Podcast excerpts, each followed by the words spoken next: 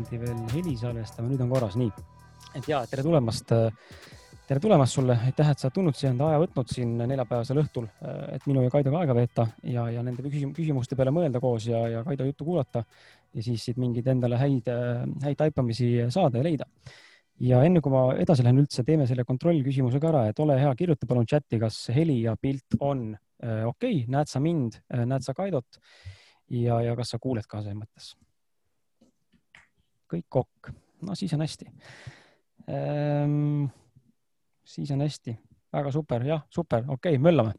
Et viimased kaks päeva, ma hakkasin rääkima seda, viimased kaks päeva on olnud mul üsna sellised äh, emotsionaalselt kõikuvad ja, ja siinkohal peaks justkui nagu sind vaatajana jubedalt äh, motiveerima, et äh, mitte alla tõmmata sellega, et vaata, Kris Kala ikkagi, Kaido on siin, me nüüd motiveerime sind ja paremas kontaktis endaga, aga tead, seda paska ikkagi on päris palju aeg-ajalt tuleb ülesse ja, ja viimased kaks päeva on päris tugev vajutanud mingitele äh, paradigmadele ja, ja just nagu läbi inimsuhete on tulnud mingisugust jama välja ja, ja nüüd ma siin selle sees suplen vaikselt ja üritan aru saada, kuidas see kõik eh, minu peegel nii-öelda on ja, ja üsna raske on teinekord aru saada, kuidas ma ise selle kõik endale loonud olen, mille ma just endale lõin täna ja eile. aga nii ta on, nii et ma üritan anda endast parima, et eh, ma jään siin täna sinu jaoks positiivne ja, ja, ja näitan sulle ennast sellest küljest, mis sind tegelikult inspireeriks ja lükkan enda selle äh, pasa kõrvale, sest et see ei puutu sinusse, aga lihtsalt annan sulle ausalt, kuna ausalt mehe podcast on, annan sulle ausalt teada, et eh, on natukene selline madalam seis kui võib-olla eelmistes eh, webinarides, aga ma tean, et Kaido on niivõrd andekas ja ambitsioonikas ja hea inimene, et suudab mind sellest asjast kohe siin esimese paari lausega välja tuua. ja ja lähme selle juurde, et alustan sellest, et äh, ausalt mehe podcast'il on tulnud välja esimene raamat ja mitte füüsiliselt veel ilmunud küll, see ilmub jõuludel, aga võimalik on endale ette tellida seda miljon.ee leheküljelt. raamatu nimi on siis samuti nagu webinari sarigi Kontaktis endaga. Kaido äh, on üks osalejatest seal, eelmises webinaris oli Peep, kes on samuti üks osalejatest või osalistest selles raamatus ja samuti ka mentor Indrek, kes oli esine, esimese webinari külaline ja tegelikult veel on tulemas Anne Laun ja Ants Rootslane ja meie Mõttus ja Paljas Porgand, kes kõik tegelikult on raamatus kaasa löönud ja tegelikult seal on veel inimesi, kes on kaasa löönud päris palju, Eesti tuntud ja samas ka vähem tuntud inimesi.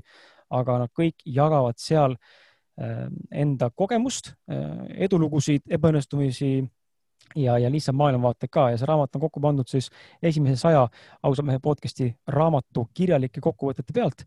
ja ühtlasi oleme implementeerinud siis ähm, sinna sisse nii-öelda sisestanud, andnud võimaluse külalistele, mida kasutasid umbes pooled, kirjutada lisaväärtust sulle sellise blogi ja artikli näol. nii et kui sul on huvi, siis äh, see on selline mõnus äh, käsiraamat ja tööriist, mis aitab päriselt saavutada kontakti iseendaga, sest seal on päris palju praktilisi nõuandeid ja, ja mõistmisi, taipamisi. ja mina julgen öelda, et, äh, et see on niisugune mõnus ähm, kullakange, verbaalseid kullakange täis äh, olev nagu teos ja eks Kaido saab ka võib-olla mõned kommentaarid siin pärast öelda, tal on tegelikult seda raamatut lugenud niimoodi põgusalt üle ja näinud ja sirvinud seda. ja, ja, ja igal juhul tungivalt isegi mitte ei palu sulle ega ei soovita, vaid äh, lausa käsen, mine soeta endale elukingituseks ja see on äh, raudselt sada protsenti midagi, mis, ähm, millesse ma arvan, sa ei, sa ei, ei kahtle ega kahetse selles mõttes aga chati kohta veel nii palju, et all siinsamas, kui sa nüüd vaatad Zoom'i kõne enda akent, siis sul on seal chati aken ja sinna saad sa kirjutada jooksvalt siis küsimusi, mida me siin ähm, siis lähima, ütleme tunni jooksul, minu küsimused saavad otsa, äh, hakkame vastu võtma ja, ja eetrisse laskma ja Kaido saab nendele vastata, nii et kui sul on huvi osa võtta, siis ole hea, tee seda, selleks on mul siin Alo, kes teid ka ruumi laseb praegu ja küsimusi siin haldab ja mulle suunab, nii et ma saan siit kohe siis pärast telefonist küsida ja järelvaatamine, kõige tähtsam info on ju, kõik küsivad, järelvaatamine, järelkuulamine on saadaval kõikidele webinaridele, tõenäoliselt kõikidele. lubada ei saa, seda tuleb üle arutada kõikide külalistega, aga ma teen oma parimad kõik webinarid tuleks järelvaatamisse. Nad lähevad eh, ausad meeste Facebooki videona, lähevad eh, videona Kris Kala Youtube'i ja lähevad audiofailina ehk siis podcast'ina kõikidesse suurematesse podcast'i platvormidesse, kus ausad mehed podcast'id juba leitavad on. ja see, et need saavad olema avalikud alates kuuendast detsembrist, kui viiendal detsembril viimane külaline Ants Rootslane on ära esinenud, nii-öelda või meil siis saates olnud ja ühtlasi ma annan endast parima, et panna kaasa ka igas saates kirjalikud kokkuvõtted, et sul oleks mõnus midagi lugeda või endale kuskile välja printida või kuskile panna või mis iganes veel teha. nii, ja nüüd lähme sissejuhatuse juurde. Kaidole väike sissejuhatus ja siis juba saab Kaido sõnu ähm, ja, ja siis hakkame peale Kaido Pajumaa on olnud alates kahe tuhande neljandast aastast ettevõtja. pärast oma esimese ettevõtte pankrotistumist kaks tuhat kahe tuhande kuuendal aastal hakkas Kaido otsima vastust küsimustele, kuidas leida elus tasakaal ambitsioonide ja tähenduse vahel ning missugused tegurid aitavad inimesel oma igapäevasest elust juba praegu rohkem rõõmu tunda. Nendele küsimustele vastuseid otsides käivitas ta populaarse enesearengu blogi sisekosmos.ee, millest sai alguse Kaido koolitaja karjäär alates kahe tuhande üheteistkümnendast aastast koolitab Kaido organisatsioonide meeskondi ning loob sisu motivaator.ee lehekülje kaudu. tema peamine fookus on täna suunatud inimeste sisemise motivatsiooni arendamisele töö mõtestamise ja motiveeriva tunnustamise kaudu. Kaido on pälvinud ka aasta kaks tuhat kuusteist ja aasta kaks tuhat seitseteist parima koolitaja tiitli ja tänasel webinaril räägime oskusest leida oma tee ning kuidas aru saada, millal on elus roheline tuli, millal punane, millal kollane, kuidas ennast rohkem usaldada, kuidas vaimsuse teadlikkuse kasvatamine aitab ennast paremini tundma õppida ning mõista enda tegelikku olemust, ühtlasi ka sellest, kuidas tegeleda elus pigem isiklikuks kasvuks oluliste asjadega. ja, ja siinkohal, siinkohal ma siis äh, tervitangi, tere tulemast äh, saatesse ja, ja webinari saatesse, podcast'i webinari, äh, Kaido. tere, tere ja siiralt hea meel on näha teid, päris palju inimesi on praegu ja ma ei, ei tea, kas on inimesi, aga ma loodan, et on. Ka sisekosmose listist nii-öelda, et ma eile õhtul saatsin sinna veel kutse ja kuidagi koeraga jalutades õhtul tekkis tunne, et mõnede inimestega juba kahe tuhande üheksandast, kümnendast, üheteistkümnendast aastast neil on mingisugune selline virtuaalne kontakt olnud, kui ma rohkem ise kosmosesse kirjutasin ja, ja tekkis selline tunne, et täna oleks hästi tore nagu jagada, et küll rohkem võib-olla räägin mina, aga, aga energeetiliselt saab igaüks kaasa tunnetada ja kaasa mõelda siis nendel teemadel, mis meid tõenäoliselt kõiki sinna sisekosmosesse viis, ühelt poolt mina kirjutajana, võib-olla teised rohkem lugejana, aga tegelikult see teekond on väga-väga sarnane ja unikaalne ka mõnes mõttes nii et äh, kuulsite, Kaido küsimus oli äh, provokatiivne, andke siis chatis teada, kas meil on siin täna inimesi, kes on sisekosmosest äh, eelnevalt osa võtnud ja, ja sellesse seltskonda või teekonda kuulunud ja oleks huvitav endalgi teada, kes siin täna kohale tulnud on.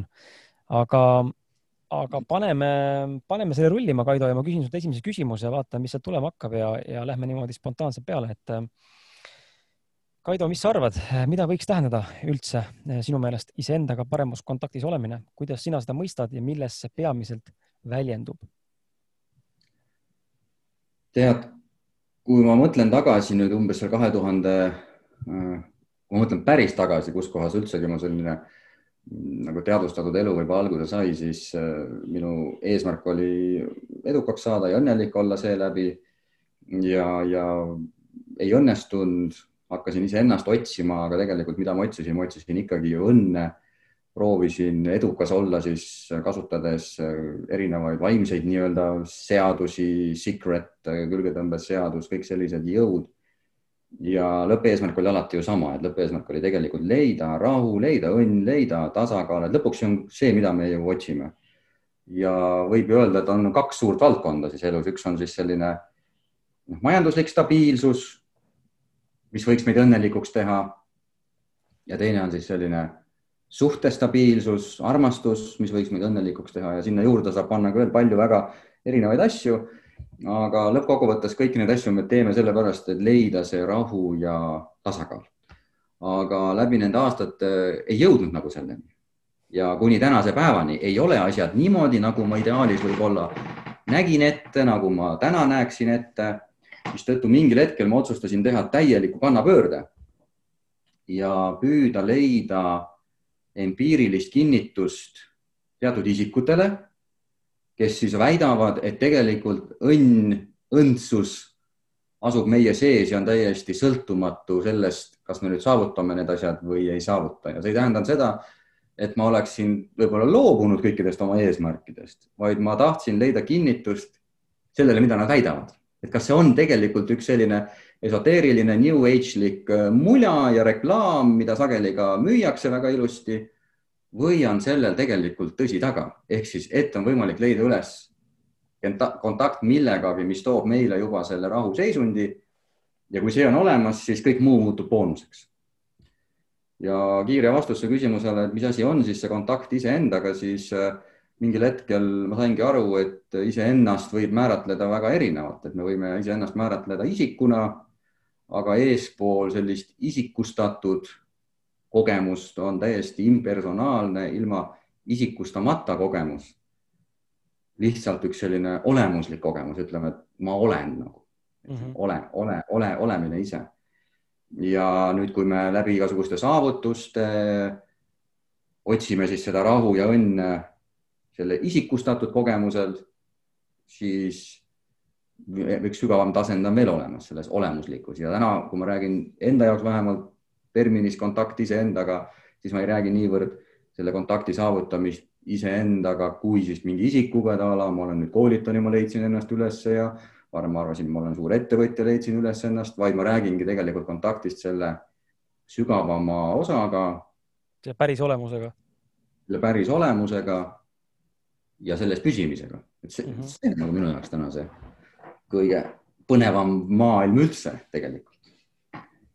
ja, aga seal, seal mulle tundubki, et äh, noh, ka ise mingil määral äh, vajun nagu sellesse lõksu või kuidagi tajun, et seal seda ongi teinekord hästi raske edasi anda ja ma mõistan tegelikult ka, et see teema kontaktis endaga on pealkirjana valitud ka selline võib-olla liiga, liiga üldistav või selline kuidagi nagu hall ja tolm, eks ole, et seda, see on nagu olemas ja seda nagu ei saa nagu seletada, aga samas nagu saab seletada, seal on midagi sellist, noh, midagi hoomamatu, midagi puudutamatu, midagi seletamatut. ja, ja seda tegelikult ei mõistagi enne, kui sul on see kontakt endaga, aga samal ajal tekib küsimus, et kus ma tean, kas mul ikka on kontakt endaga, äkki mul ainult tundub, et mul on kontakt endaga. väga hea küsimus. sellepärast tõepoolest, kui ma mõtlen aastasse tagasi, kaks tuhat üksteist, kui ma mõnes mõttes selle valiku tegin, esimesed aastad ma olin hästi sellises Äh, esoteerika, selline vaimsus, äh, sise, äh, sise külgetõmbeseadus, kõik see teema, siis ma avastasin enda jaoks budismi, aga mitte niivõrd sellises religioosses tähenduses, vaid budistlik psühholoogia mm, -hmm. kus siis tegelikult ikkagi püüti väga praktiliselt edasi anda seda õpetust, mida Buda nii-öelda oma õpilastele andis, ehk siis see kaheksaosaline tee, mitte niivõrd teoorias, aga tegelikult, et mõista iseennast. Ja see oli minu jaoks väga kõnekas ja ma leidsin paljudele väidetele kinnitust oma praktikate käigus, mida tema siis rääkis, et kuskohast kannatused tekivad ja kuidas kannatusi saab äh, vabastada. ja kaks tuhat üksteist siis ma leidsingi sellise lähenemise, mida siis nimetatakse Advaitaks, mis on siis äh, olnud üheksa aastat minu nagu teejuhiks. Ja nüüd äh, üks osa sellest teest ongi olnud algul usaldada, sest ega algul ei olegi seda, see tundub olevat teooria, sa näed, et et keegi räägib sellest, keegi kogeb seda ja ta on nagu leidnud selle õndsuse, ta on leidnud selle rahu. ja nagu öeldaksegi, et sul on vaja guru, sul on vaja guru sellepärast, mitte sellepärast, et kellegi nagu jalgu kummardada, vaid sellepärast, et keegi, kes on selle tee läbi käinud ja kes ütleb, et, et kui sa teed neid asju, et siis on väga suur tõenäosus, et sa jõuad selleni. -hmm. ja esimesed aastad, ma arvan, oli see puhtalt ainult usu baasil, et ma püüan, ma püüan, ma püüan, mingil hetkel jõuab see kogemus praktikasse ja empiiriliseks. ja võingi täna öelda, täna ei ole siin enam kõhklust, et sa väga hästi ütlesid, et see paistab nagu hall ja tolmuna, see ei ole tegelikult hall ja tolm, see on midagi väga-väga praktilist, see kontakt iseendaga, see rahu eespool oma ihasid, oma soove, oma saavutusvajadust, see kõik on normaalne. mul jätkuvalt, mulle meeldib äh, seda koolituse äri teha, see kõik on väga-väga normaalne. aga eespool seda on üks väga-väga spetsiifiline kogemus ja see ei ole enam hall ja tolm, see on midagi väga-väga empiirilik, mis aitab mind absoluutselt igal hetkel, see aitab mind koolitusel, kui ma tunnen mõnikord, et ma väsin, see aitab mind kodus, see aitab mind naisega keerulisi teemasid rääkides, kui ma tunnen liialt, et võtab üle, et see on meie oskus lülituda oma kõige algupärasemasse ja fundamentaalsemasse nagu olemuslikku vormi ja see on üks reaalne kogemus. sa mainisid sõna sõna usaldus äh, ja usaldama ja siin ma näen, mul juba viskab ette siit äh, nii-öelda sellise teistsuguse uue küsimuse, et äh, aga kuidas õppida ennast rohkem kuulama ja usaldama ja, ja mismoodi, alustame sellest, kuidas õppida ennast rohkem kuulama ja usaldama mm.? ma arvan ja mu enda kogemus on siis öelnud seda, et kõigepealt tõepoolest ma nagu hüppan selle eelmisse küsimusse tagasi me peame empiiriliselt aru saama oma tegelikust äh, olemusest, sest et kelleks me ennast tavaliselt peame, on tegelikult selline mõtteline konstruktsioon, see, see, see isik nagu. ja kui me hakkame nüüd lähemalt vaatama, siis me avastame, et me koosneme nagu osadest lahti võetuna nagu erinevalt, erinevatest komponentidest ja on siis see meie mõttekomponent ja meie tundemaailm ja, ja siis on see äh, teadvustamise võime ja kõigepealt tulebki aru saada, et tõepoolest see, mida räägivad siis isikud, kes on käinud eespool seda rada ja kui nad ütlevad, et meie olemus on mittemateriaalne mm, -hmm. et meie tegelik olemus ongi mittemateriaalne, see ongi teadvalolek ise, siis äh, kui me hakkame nüüd rääkima iseenda usaldamisest, siis vaata, kui me teadvustame ja kogeme iseennast mittemateriaalse olemusliku vormina, siis ka iseenda usaldamine omandab täiesti uue tähenduse mm, -hmm. sest et kui ma iseennast usaldan isikuna, Kaido oma siis kogemustega, oma teadmiste, oma oskuste, oma võimetega, siis see on kogu aeg selline dünaamiline komplekt mingitest elementidest ja sa ei saa tema peale päris nagu kindel olla. sest et me võime selle isiku kokku võtta ühe sõnaga ego.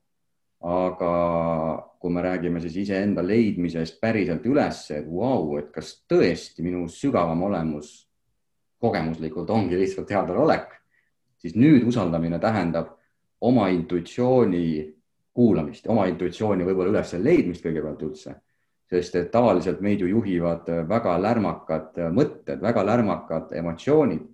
aga nüüd, kui see kontakt hakkab tugevnema, siis sa hakkad igat seda emotsionaalset impulssi registreerima, sa hakkad igat oma mõtteimpulssi registreerima ja nüüd sa hakkad rohkem registreerima ka seda intuitiivset impulssi ja sealt tekib see tegelik usaldus, et mm -hmm. sa näed läbi ja sa suudad päriselt eristada, mis on need ego vormid ja mis on kuuluvad selle sügavama mina juurde ja see töötab rohkem läbi intuitsiooni.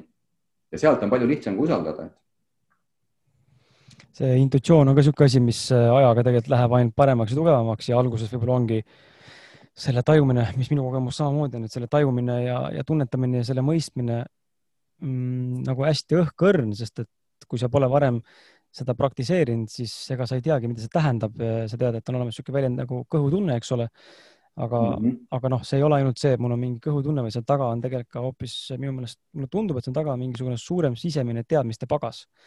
Ehm, ja just nagu sisemine teadmine, inglise keeles on niisugune mõnus äh, sõna selle kohta, inner knowing. Eesti keeles on see ongi vist noh, sisemine teadmine, aga ta kõlab eriti naljakalt minu jaoks veits. et see on mhm. see, mis tuleb lihtsalt ajaga ja, ja taaskord jälle on vaja praktiseerida ja tihtipeale, tihtipeale just nimelt äh, noh siin paljud on eelmistes äh, osades ka küsinud sedasama asja, et aga kuidas siis nagu seda intuitsiooni nagu tajuda, kuidas ma õpin seda paremini praktiseerima igapäevaselt. see on läbi lihtsate asjade, selles mõttes, et äh, kõige lihtsam vist on mingi läbi mingi valiku või on sul mingi parem soovitus, kuidas, kuidas hakata õppima intuitsiooni kasutama ja, ja, ja mis võiks olla parim praktika nagu selle jaoks näiteks? no võib-olla kõigepealt olekski hea enda jaoks äh mina olen hästi selliseid praktilise analüütilisega, analüütilise mõistusega meesterahvad olnud, üks tavaline keskmine Eesti mees. ühel hetkel tundsin, et ma olen täiesti segaduses, täiesti õnnetu, vihane, pettunud. mul ei ole erilisi mingisuguseid selliseid andeid, noh, täna ma võin öelda, mul on mingid teatud tugevused, mis mul on, mul on, võib-olla ma oskan kirjutada, mul on selline laval esinemise tugevus, aga ma ei ole kunagi millegagi eriti silma paistnud, nii et kogu minu mõttemaailm või kogu minu elukogemus käis läbi nagu mõtte, mõttemaailma läbi mm -hmm. ratsionaalse käsitluse. ja nüüd, kui ma hakkasin seda kõike lahti murdma, siis äh, algul selline vaimne kirjandus mind väga palju üldse ei kõnetanud, sest minu mõistus vajas nagu analüütilisemat ja kuidagi pragmaatilisemat lähenemist ja tegelikult minu jaoks budism natuke andis selle, sest et Buda muuhulgas võttis ka inimese väga osadeks lahti ja rääkis, et kuidas need osad omavahel suhestuvad ja minu mõistusele oli see väga sobilik teine mees, kes on minu jaoks väga-väga palju asju lahti rääkinud ja kirjutanud. kindlasti väga-väga paljud inimesed teavad seda siit, on Ingvar Villida mm. -hmm. ja, ja tema siis lähtub Kriia jooga süsteemist ja seal siis on inimesel viis, viis osa samuti. Ja üks osa sellest on siis intellekt ja mitte siis intellektuaalsus selle mõistuslikus tähenduses nagu tavaliselt, vaid intellekt kui arukus ja intellektiga me saame kontakti eelkõige läbi selle, et me hakkame kõigepealt eristama oma intellekti ja seal toimuvat oma mõtetest. ja asja mõte on selles, et kui mõttest, me hakkame mõtetest juba natukene taanduma, me hakkame eristama mõtteprotsesse vaatlemisest mm, -hmm. siis mida suuremaks see distants minu kui vaatleja ja nende mõtete vahel tekib, siis nende mõttepauside jooksul hakkavad tekkima taipamised inglise keeles insight. ja üks osa sellest on ka intuitsioon ehk siis üks osa sellest intellekti kasutamisest. ja ma ei mäleta, kas tema on selle niimoodi öelnud või ma tean seda kuskilt mujalt, et intuitsioon tähendab teadmine ilma mõtlemata mm. -hmm. aga et jõuda intuitsioonini, selleks on vaja kõigepealt mõttetegevust. me seda vaigistada ei saa, sellepärast et aju on loodud selleks, et kogu aeg mõtteid kedrata, aga me saame ennast natukene sellest distantseerida. me saame muutuda rohkem mõtete vaatlejaks, mõtete teadvustajaks ja nüüd, mida rohkem me püsime teadvustajana, seda rohkem me hakkame märkama nii neid taipamisi, mis on siis nagu uued sellised nagu mõttesähvatused ja me hakkame rohkem märkama ka seda intuitiivset, ülipeent signaali, et okei okay,, tegelikult praegu peaks võib-olla nii tegema. nii et see teekond selleni on ikkagi läbi oma väga-väga mürarikka mentaalsuse ja emotsionaalsuse kuidagi mitte vaigistamise, aga kuidagi nendest natukene distantseerimise mm. -hmm see, siit tekib kohe järgmine juhtlõng, kuhu nagu viia selleni, et kui me kas räägime intuitsioonist või siis äh, nii-öelda ratsionaliseerimisest või siis nagu mõistusest tulenevatest asjadest, siis kuidas sina ennast äh, äh täna nagu mõõdad, et kui me, kui ma küsin su käest, et mm, oma tegemistes ja otsustes ja valikutes äh, on kontaktis endaga olemine äärmiselt määrava rolliga, siis äh, millele sina täna tugined, kas see on endiselt pigem ratsionaalne, mõistusest tulenev või pigem ähm, lähtud sa rohkem intuitsioonist mingis valikute juures või sa teed mõlemat või, või, või sa kasutad mingit pendlit või sa teed kukerpalle või mis on nagu sinu mm. see, see nagu navigeerimise koht, et kuidas sa mingeid valikuid ja otsuseid äh, enda jaoks äh, hakkad nagu sildistama või lahterdama? ma olen enda jaoks asjad teinud tegelikult väga lihtsaks mina jälgin ainult ühte küsimust enda puhul ja mõnikord lausa reaalselt küsin seda, et mis on nagu tegelikkus ja mis on nagu antud juhul, ütleme mitte tegelikkus. tegelikkus on alati see, üks, ainult üks kindel fakt on, on see, et ma olen siin. see on tegelikkus. nüüd, kui ma sind kuulasin päris alguses, ütlesid ka, et sul on mingisugused probleemid ja kõik asjad ja probleemid kuuluvad meie elukogemuse juurde, mitte midagi ei ole teha.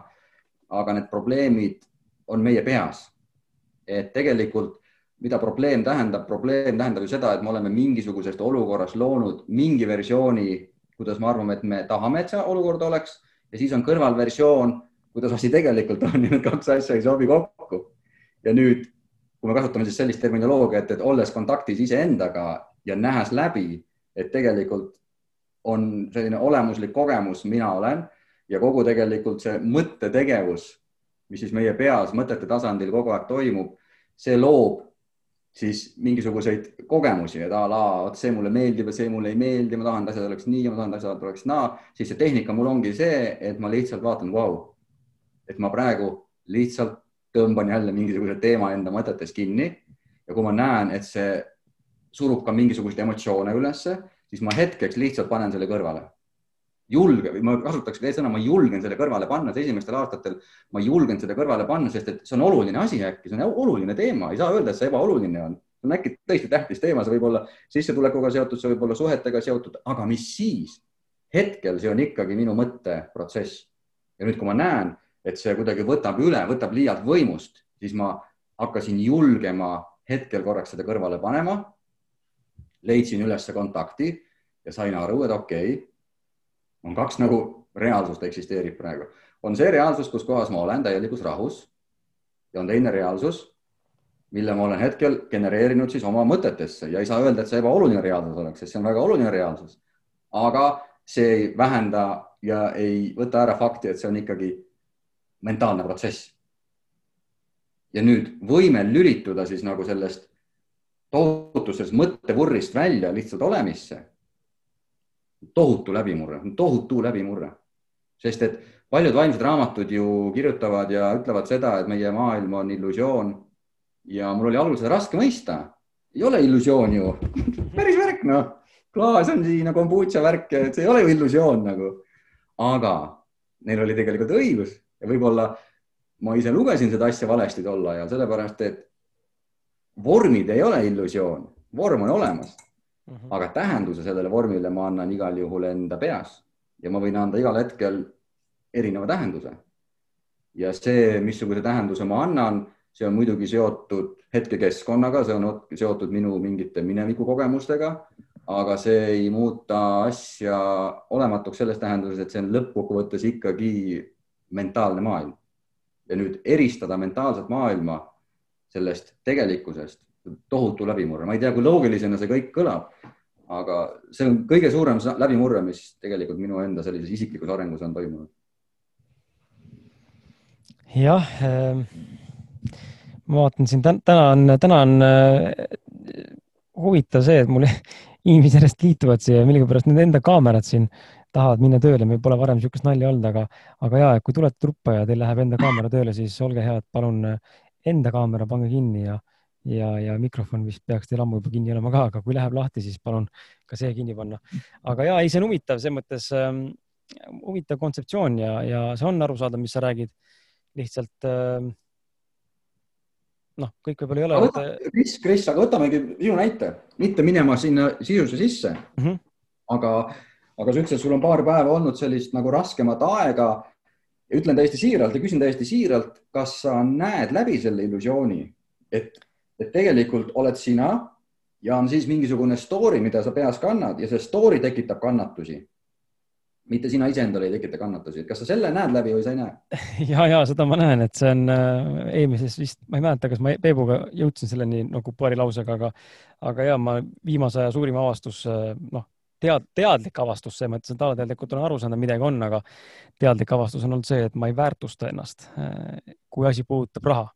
Ehk siis ma ei julge raha küsida, ma ei oska raha vastu võtta ja mm, -hmm. ja kui asi läheb selle peale, et hinnata enda mingit, hinnastada enda teenust või mingeid muud asja, siis sealt tekivad no hirmud, ma ei tea, meeleheited, eufooria, kõik asjad korraga, eks ole, täitsa katus sõidab.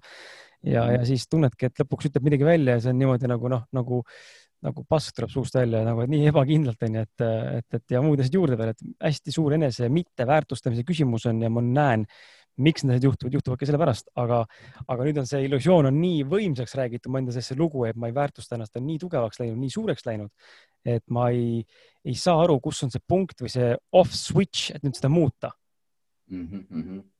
Off switch on olemas igal ajahetkel ja iga inimene loob endale tõenäoliselt erineva ankru. seda võib nimetada ankruks. see ei tähenda seda, et sa, mm, ma tean väga hästi, meil kõigil on ebakindlusega probleeme, ma arvan, et tõenäoliselt on inimesi, aga ma arvan, et meil kõigil on mingil määral ebakindlusega probleeme. mul on väga palju sellega probleeme olnud noorest äh, peale.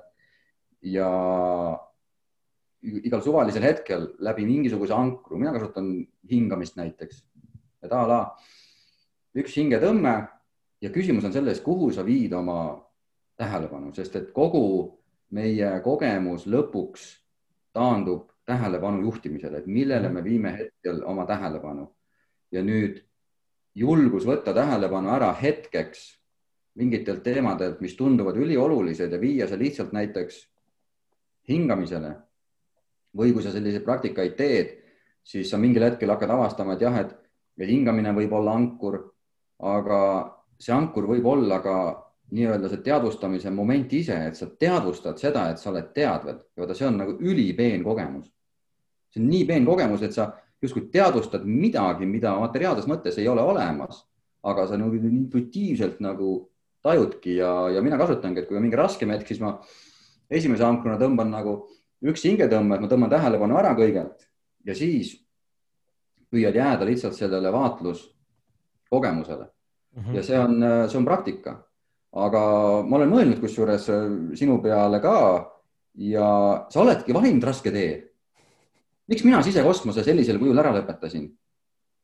üks osa oligi see, et ma tundsin, et ma tahan ka ennast nagu elatada nende teemadega, mida ma räägin, millesse ma usun. aga samal ajal äh, liiga jõuliselt push ida sisekosmoses mingeid koolitusi, ma hakkasin saama lugejatelt tagasisidet, et noh, liiga jõuliselt. ma töötasin seal küll raamatuid välja, kursused välja ja ma tundsingi, et see ei ole selline info, mida ma tahan nagu jõuliselt turundada ja mm. endale sellest teha sissetuleku allika, aga samal ajal ma tahtsin elada normaalset elu, ma tahtsin ju omal ajal ettevõtja olla ja ma tahtsin teha ja siis ma saingi aru, et ma pean nagu mängima nende reeglite järgi, mis kapitalistlikus ühiskonnas on. ja ma pidin välja mõtlema, et kus raha on, raha on ettevõtetel ja, ja seal ei, seal ei, ei heida keegi sulle ette, et sa müüd oma koolitusi kallilt või mitte kallilt ja ma saingi aru, et ja et ma kõige sellega, millega ma tegelen oma enesearengus, sellega ma võin ju edasi tegeleda. aga kui ma tahan raha teha ja ma tahan oma nii-öelda talenti realiseerida, siis ma pean minema sinna, kus kohas äh, raha on. ja kogu see ausad mehed projekt, see on väga-väga võimas, sul on suur jälgijaskond, aga inimesed on samal ajal ka harjunud sellist asja ikkagi tasuta tarbima ja eriti mhm. sellisel väiksel turul, kus me Eestis oleme. et sa oledki valinud raske tee ja loomulikult meil sul võib olla avastusi selle kõige käigus, et sul on ebakindlust või mida iganes sa enda kohta oled avastanud ja mis story sa endale oled loonud iseendast. aga see ongi raske tee see ei pruugigi käima. see ei lohuta. sellest ei pruugigi tekkida nii-öelda sulle sellist sinu ootustele vastavat sissetuleku allikat, et seda tuleb ka mõnikord nagu ja, ja teadvustada. See on, teadvustus on tehtud juba, juba mõnda aega tagasi ja, ja see on, see on, see on okk, see on täiesti okk, et, et ma siin ise just oligi siin, tõin seesama näite vist ühes episoodis ka kuskil, et, et kui ma vahepeal tasuline olin podcast idega, siis jõudsingi mingisuguse sissetulekuni, seal oli peaaegu, ma ei mäleta, mingi seitse-kaheksa sotti äkki äh, reaalselt nagu sain mm.. et aitäh sulle, inimene, kui sa täna siin ruumis oled, juhuslikult mind toetasid tol hetkel. aga ma tundsin, mind hakkas lihtsalt häirima see, et see sisu jõudis suhteliselt väheste inimesteni. Ja siis mulle Sven Nuum, Sven Nuum, kes on Boosti Selfie üks omanikest ütles nagu niisuguse mõnusa vahetu ausa lause nagu ja, ja see ei ole üldse mitte kuidagi mitte kellegi kohta, kes on tavainimene või tava nii-öelda kasutav või consumer tarbija. et mhm. ärge palun tundke ennast puudutatuna. Ta ütles väga hästi, et lihtsam on saada ettevõttelt kätte tonn euri kui ühelt inimeselt kümme eurot. Ja siis ma saingi aru, et äh, noh, nii ongi järelikult, et äh, ise ka teinekord kaalutled rohkem mingeid kulutusi võib-olla ja, ja ei lähe nagu niimoodi loopima seda kümmet ja kahtekümmet ja kolmkümmend euri, onju, et arusaadav kõik täiesti.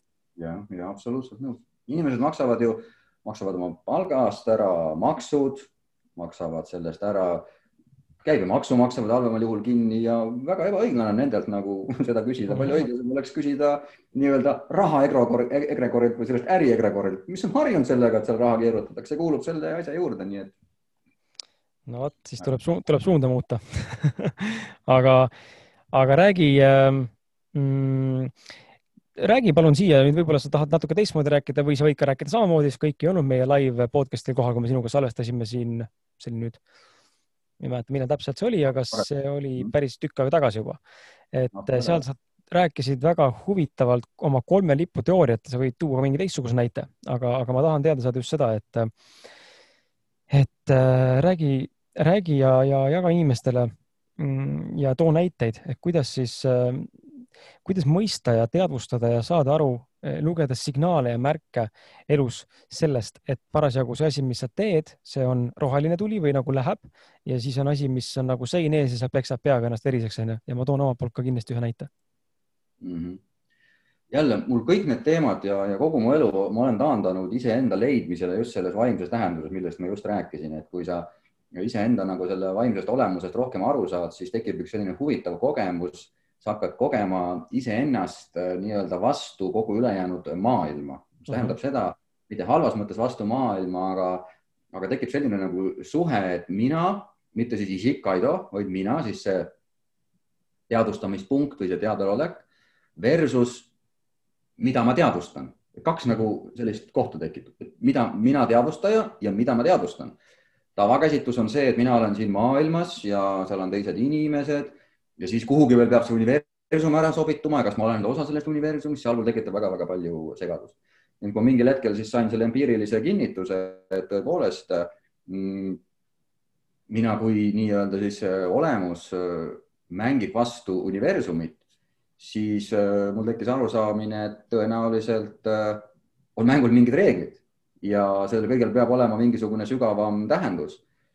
ja ma usun, et meil on ette antud mingisugune, mingi rada mida teatud piirini on võimalik mõjutada, aga suures osas on see ikkagi ette määratud, et mm -hmm. mida me kogeme, mis inimestega me siin äh, kohtume.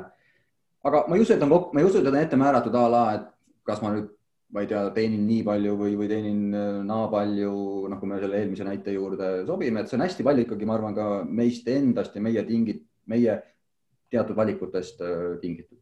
ja nüüd kui sa võtad nagu aluseks selle, et äh, mina versus kogu ülejäänud universum ja universumil on mingi plaan nagu minuga, ta tahab, et ma midagi teeksin, midagi kogeksin, siis tõenäoliselt ta peab kuidagi minuga suhestuma, ta peab kuidagi mulle signaale andma nagu, et see on mhm. -huh. nagu õige tee ja see on vähem õige tee ja minu jaoks tal on kaks võimalust, üks on läbi intuitsiooni.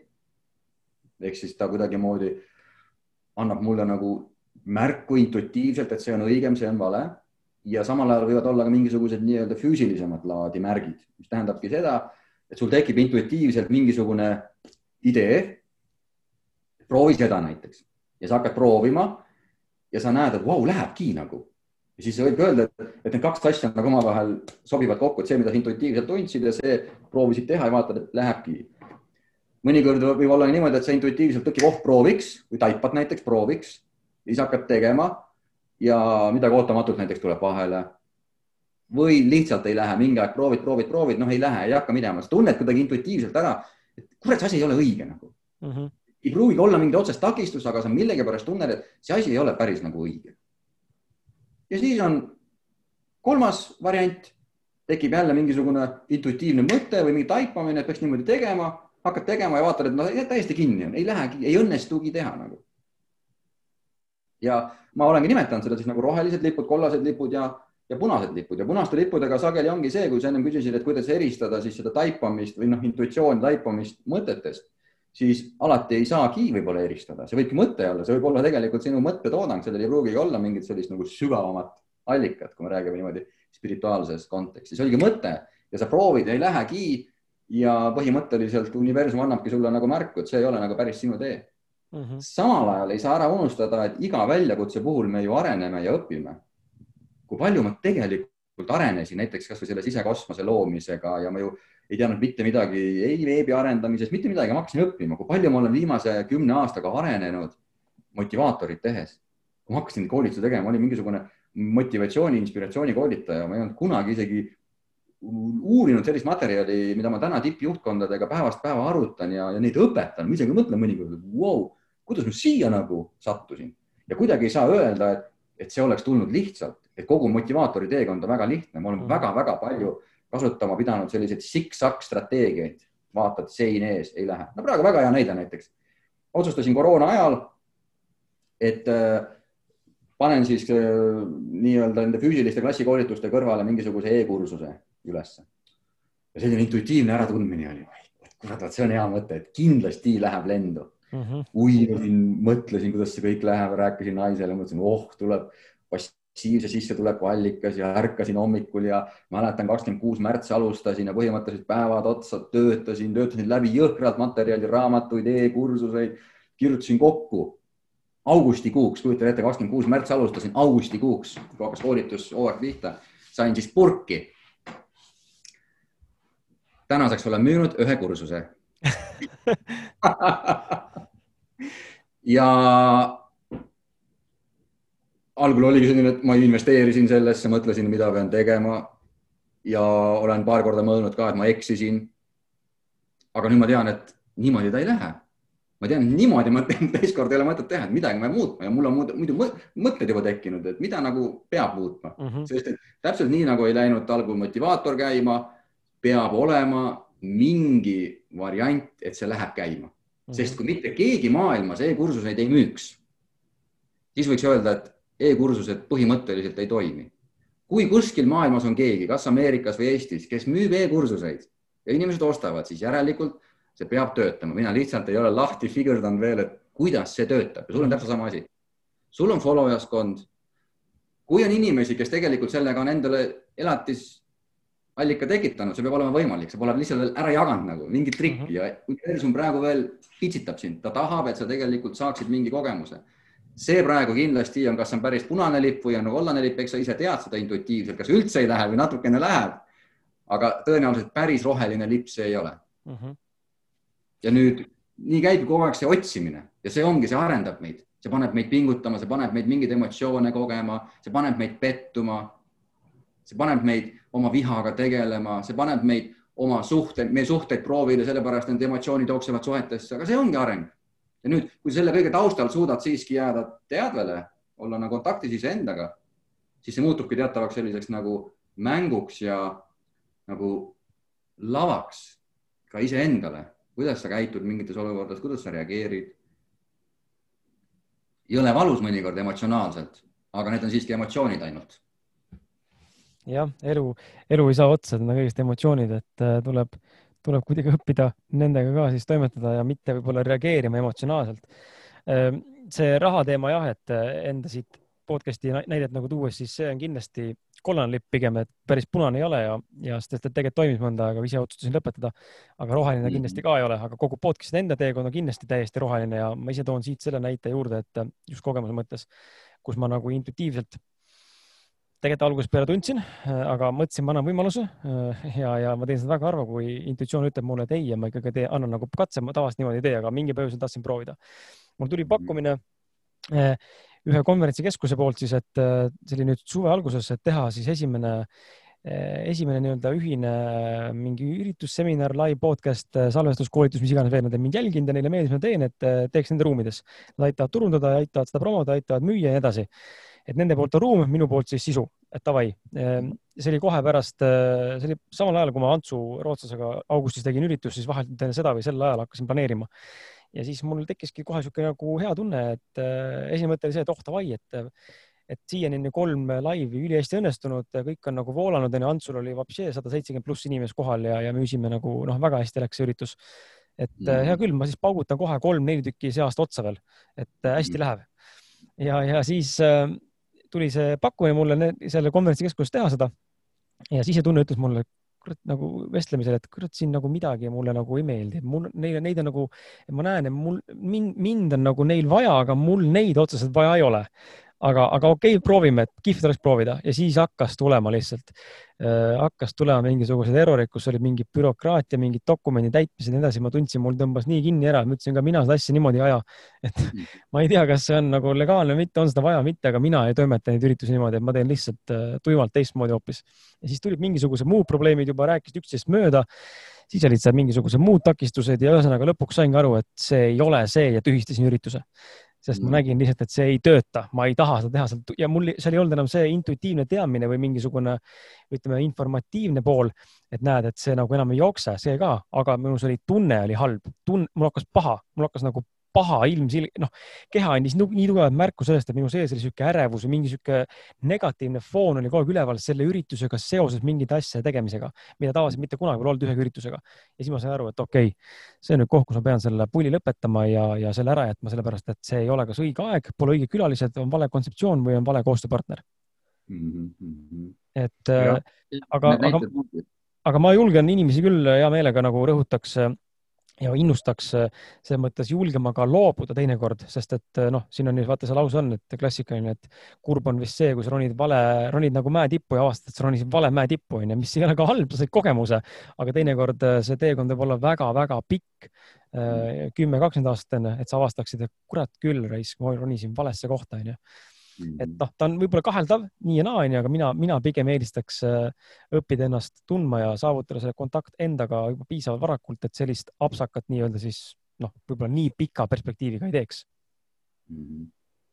selle kõige taustal ma ise julgen nagu arvata, et on mingisugused sellised võib-olla universaalsed seadused või universumi seadused ja on ka võib-olla mingid universumi ootused meile, mis nagu veitsa soodustavad mul on jäänud vähemalt selline mulje, äkki mul on nagu lihtsalt nagu vedanud, ma ei tea, aga mulle tundub, et siin on ikka mingisugune selline koostöö nii-öelda selle mm, universumiga. Ja üks nagu printsiip, mida ma olen aastaid, noh, praktiliselt, praktiliselt päris algusest, ma mäletan, et see oli aasta kaks tuhat seitse, kui ma lugesin neid kõvasti vaimseid raamatuid, ma olin keset pankrotiprotsessi ja ma käisin Viimsis lugemas, või tegelikult Pirital, Pirita topi taga käisin lugemas raamatuid nagu oma närvide rahustamiseks. Ja ma hästi ahmisin seda vaimset kirjandust ja seal olid mingid vaimsete seaduste raamat ja ma panin kirja endale viis vaimset seadust, ma ei ole seda kaustikut üles leidnud ja ma otsustasin, et okei okay,, ma proovin viis aastat. Ja ma vaatan, et ma päriselt lähtun nendest seadustest. Ja kui viie aastaga mitte midagi oma elus paremaks ei lähe, et siis ma lähen nii-öelda tavaseaduste juurde tagasi. Ja mis see põhimõtteline erinevus oli? Viie seaduse ja tavaseadustega oligi, tavaseadused ütlevad seda, et sa pead eelkõige iseenda eest seisma. sa pead võitlema enda heaolu eest sa ei saa piltlikult öeldes nagu kedagi väga usaldada, sellepärast et äh, kõik tahavad sult mingeid asju ära võtta ja vaimsed seadused ütlevad seda, et tegelikult sa ei pea mitte kellegagi konkureerima. ka olukorras, kus kohas sul on tunne, et keegi äkki mm, ohustab sind või noh, oma koolitaja näiteid tuues on võib-olla koolitajaid, kes on küsinud mu käest nagu nõu ja abi ja siis mingi hääleke kuskil peas on öelnud, et ma ei saa talle seda öelda, et võib-olla ta kasutab selle ära ja siis ta läheb must mööda ja vot need on need valikukohad, kus kohas me peame otsustama, et kas me lähtume nendest ühest seaduste komplektist või siis teistest seaduste komplektist ja ma olen läinud sellest hirmust ja sellest ego hädaldamisest lihtsalt läbi tuimalt ja ütlen, et jah, et ma arvan küll praegu niimoodi, et see võib olla päris ohtlik nagu tavaseaduste järgi, et, sellist infot jagada. aga uskudes, et tegelikult maailm töötab natukene teistel alustel, kui meile on õpetatud koolis, siis ma olen läinud sellest läbi ja ikkagi andnud ja siit tulebki sisse siis selline andmise printsiip, et julgeda päriselt anda, et julgeda päriselt olla hea inimene ja mitte seda selles tähenduses, et kuidagi muljet luua, et ma olen hea inimene, vaid äh, iseenda jaoks oma standardite kohaselt hea inimene ka nendes olukordades, kus sa tunned, et sa mõni, võib-olla tunned isegi veitsa nagu hirmu, tunned võib-olla ebaõiglust, et ma ei peaks praegu olema selle inimese vastu hea inimene. tema minu vastu küll ei ole kunagi hea inimene olnud. Ja see on need, kus sa paned tegelikult iseennast ja oma ego proovile, et kas sa usud päriselt nendesse universumi seadustesse või mitte. ja teine printsiip äh, on, ma võib nimetada selle ootuste printsiibiks, et ma siiralt usun, et tegelikult iga inimese eesmärk sellel maal juba selles kehastuses on jõuda oma selle kõrgema olemuse äratundmiseni, vähemalt nendel inimestel, kes täna siin on näiteks. et inimesed, mm, kes äh, üldse ei resoneeru nende teemadega, noh, nad ei jõua siia. Neil ei ole sellega mitte mingisugust huvi, sest et see lähenemine miks ma ka viimasel ajal sellest üldse ei kirjuta ja kuskil väga ei rääkimas ei käi, see väga paljusid ei huvita, see on liiga ekstreemne lähenemine, kuidas see mind nagu aitama peaks. aga mingit seltskonda see huvitab ja ma siiralt usun, et meie selle kogemuse, elukogemuse põhieesmärk on jõuda oma äratundmiseni, jõuda selle illusiooni läbinägemiseni. Ja nüüd, kui nii-öelda universum näeb, et ma päriselt selle nimel pingutan, siis ta on nõus võib-olla meid aitama Eh, teatud mugavuste poole, ma ei tea, kõlab kuidagi maru primitiivselt, aga et kui me väga pingutame, olemaks hea inimene ja väga pingutame, et jõuda oma tegeliku olemuseni, siis see materiaalne tasand hakkab meile vastu peegeldama justkui preemiaks selle eest, mida me teeme.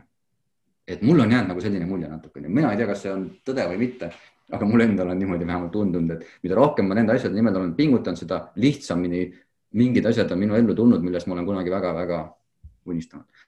oota, ma vaatan, keegi on kirjutanud väga huvitava asja siin, Kaido kuus aastat tagasi kirjutasid tüübilistlastele ajaveebis, mida soovitaksid endale, kui täna oleksid kahekümne aastane, aga mida soovitaksid endale, kui oleksid täna kuuekümne aastane, tänases keskkonnas, tulles sellest ajastust, kus selles vanuses tullakse, kas soovitused oleksid samad? Ütlen täiesti siiralt, ma olen täna neljakümne kahe aastane ja ma praktiliselt iga päev, vähemalt üle päeviti, aga võib-olla iga päev mõtlen, et issakene, üks päev on jälle möödas ja ma ikka veel ei ole valgustunud. et ma tunnen kogu aeg, et, aeg saab otsa nagu, et võibki juhtuda, et mis siis veel saab, kui ma pean nagu ühe korra veel tulema siia tagasi ja selle jamaga tegelema, uuesti ennast üles leidma ja uuesti nagu pingutama, et see oleks nagu ikka väga-väga raske ja kui ma oleksin täna kuuekümne aastane, siis ma paneksin kõik muu kõrvale ja püüaksin ainult tegeleda sellega, et püsida selles kogemuses ja muuta see valdavaks kogemuseks, sest et meist siis nagu eespool käijad isikud ütlevad, et, et on nagu kaalukauss. kogu noorem, noorema põlve me elame ära niimoodi, et me oleme nagu egoga samastunud mm, -hmm. siis mingil hetkel me hakkame ennast otsima, mõned hakkavad, mõned ei hakka, hakkame ennast otsima ja jõuame selliste teemadeni, millest täna räägime. siis me pingutades võime saada selle kontakti, millest me täna räägime ja hakkame avastama, et on tõepoolest, meil on võimalus nagu lülituda ühte ego poolde, lülituda teise ja nüüd selles ego pooles olemine on nii tuttav, nii harjumuspärane, et väga raske on sellesse teise poolde lülitada ja see ongi see praktika, vaimne praktika. nüüd mingil hetkel väidetavalt hakkab see kaalukauss muutuma ja ühel hetkel on lihtsam olla selles teises pooles ja see ei tähenda seda, et me ei saaks elust osa võtta, sest et mitte kunagi see ego pool ei kao ära ja me saame elu lõpuni sellesse alati lülituda. aga olla on lihtsam selles olemuses ja kogeda sealt tulenevat juba seda rahulolutunnet, rahutunnet ja võime kogu kõigest elust osa võtta ja see olekski mu soovitus täna, kui ma oleksin täna kuuekümne aastane ja oletame, et ma need kakskümmend aastat raiskan ära praegu ikkagi. et siis äh, pingutaksin veel rohkem. täitsa siiralt. väga hea, see on, ma ise olen ka mõelnud selle peale, et kui, kui keegi, kui ma, kui ma saaksin täna nagu teada seda, et okei okay,, mul tuleb veel kord tulla siia ja ma näeksin ka, millisesse situatsiooni või millisesse keskkonda või ajastusse, siis noh, oletatavalt siis, et see kõik jätkub, onju, ma ei, ei sünni kuskile siis nii-öelda eh, kui vaata, siin on mitu teooriat, nagu me nüüd läheme hästi eksistentsiaalseks ja nagu hakkame siin ulmekat ajama, aga et just nimelt see reinkarn-, reinkarnatsioon, et kas ma sünnin siis nii-öelda ehm, kasvavasse ajajärku ehk siis aasta kaks tuhat kakskümmend pluss onju, või ma võin sündida ka nii-öelda tagasi eelnevatesse sajanditesse nii-öelda mingitesse paralleelsustesse onju. et ma olen ka mõelnud selle peale persse, et ma ei tea, kas ma, kas ma nagu, kas ma nagu tahaks tagasi tulla siia, et mingil määral nagu on siin kihvt, aga samal ajal mingitel hetkedel tundubki see selline, selline endaga nagu siin pidev mingi võitlus ja ühiskonnaga pidev kaasamängimine, just nimelt selle maatriksi mängu kaasamängimine, et teist teinekord on sellised olukorrad, kus noh, ma arvan, me kõik oleme tundnud seda, et sind nagu jõuliselt kistakse sellesse mängu, sa nagu, ma nagu ei taha, ma tahan öelda, et sorry, aga ma tahaks absurd, absurd, ma ei taha mängida, ma vaatan pealt, aga see on lihtsalt niimoodi, keegi lihtsalt käega lohistab niimoodi kaasa, et tule mängi onju ja siis sa mängid seda mängu ja hakkama ei saa aru, ei saa midagi, samas ei meeldi, samas meeldib. ja mingi päev elukaaslasega siin üleeile, küsimus sulle ka siit, Kaido, mis sina arvad sellest ja küsimus teie ka teile, vaatajad. kommentaarid ongi selleks või kommentaarium ongi selleks, et öelda, mis sa arvad ja mis sa mõtled.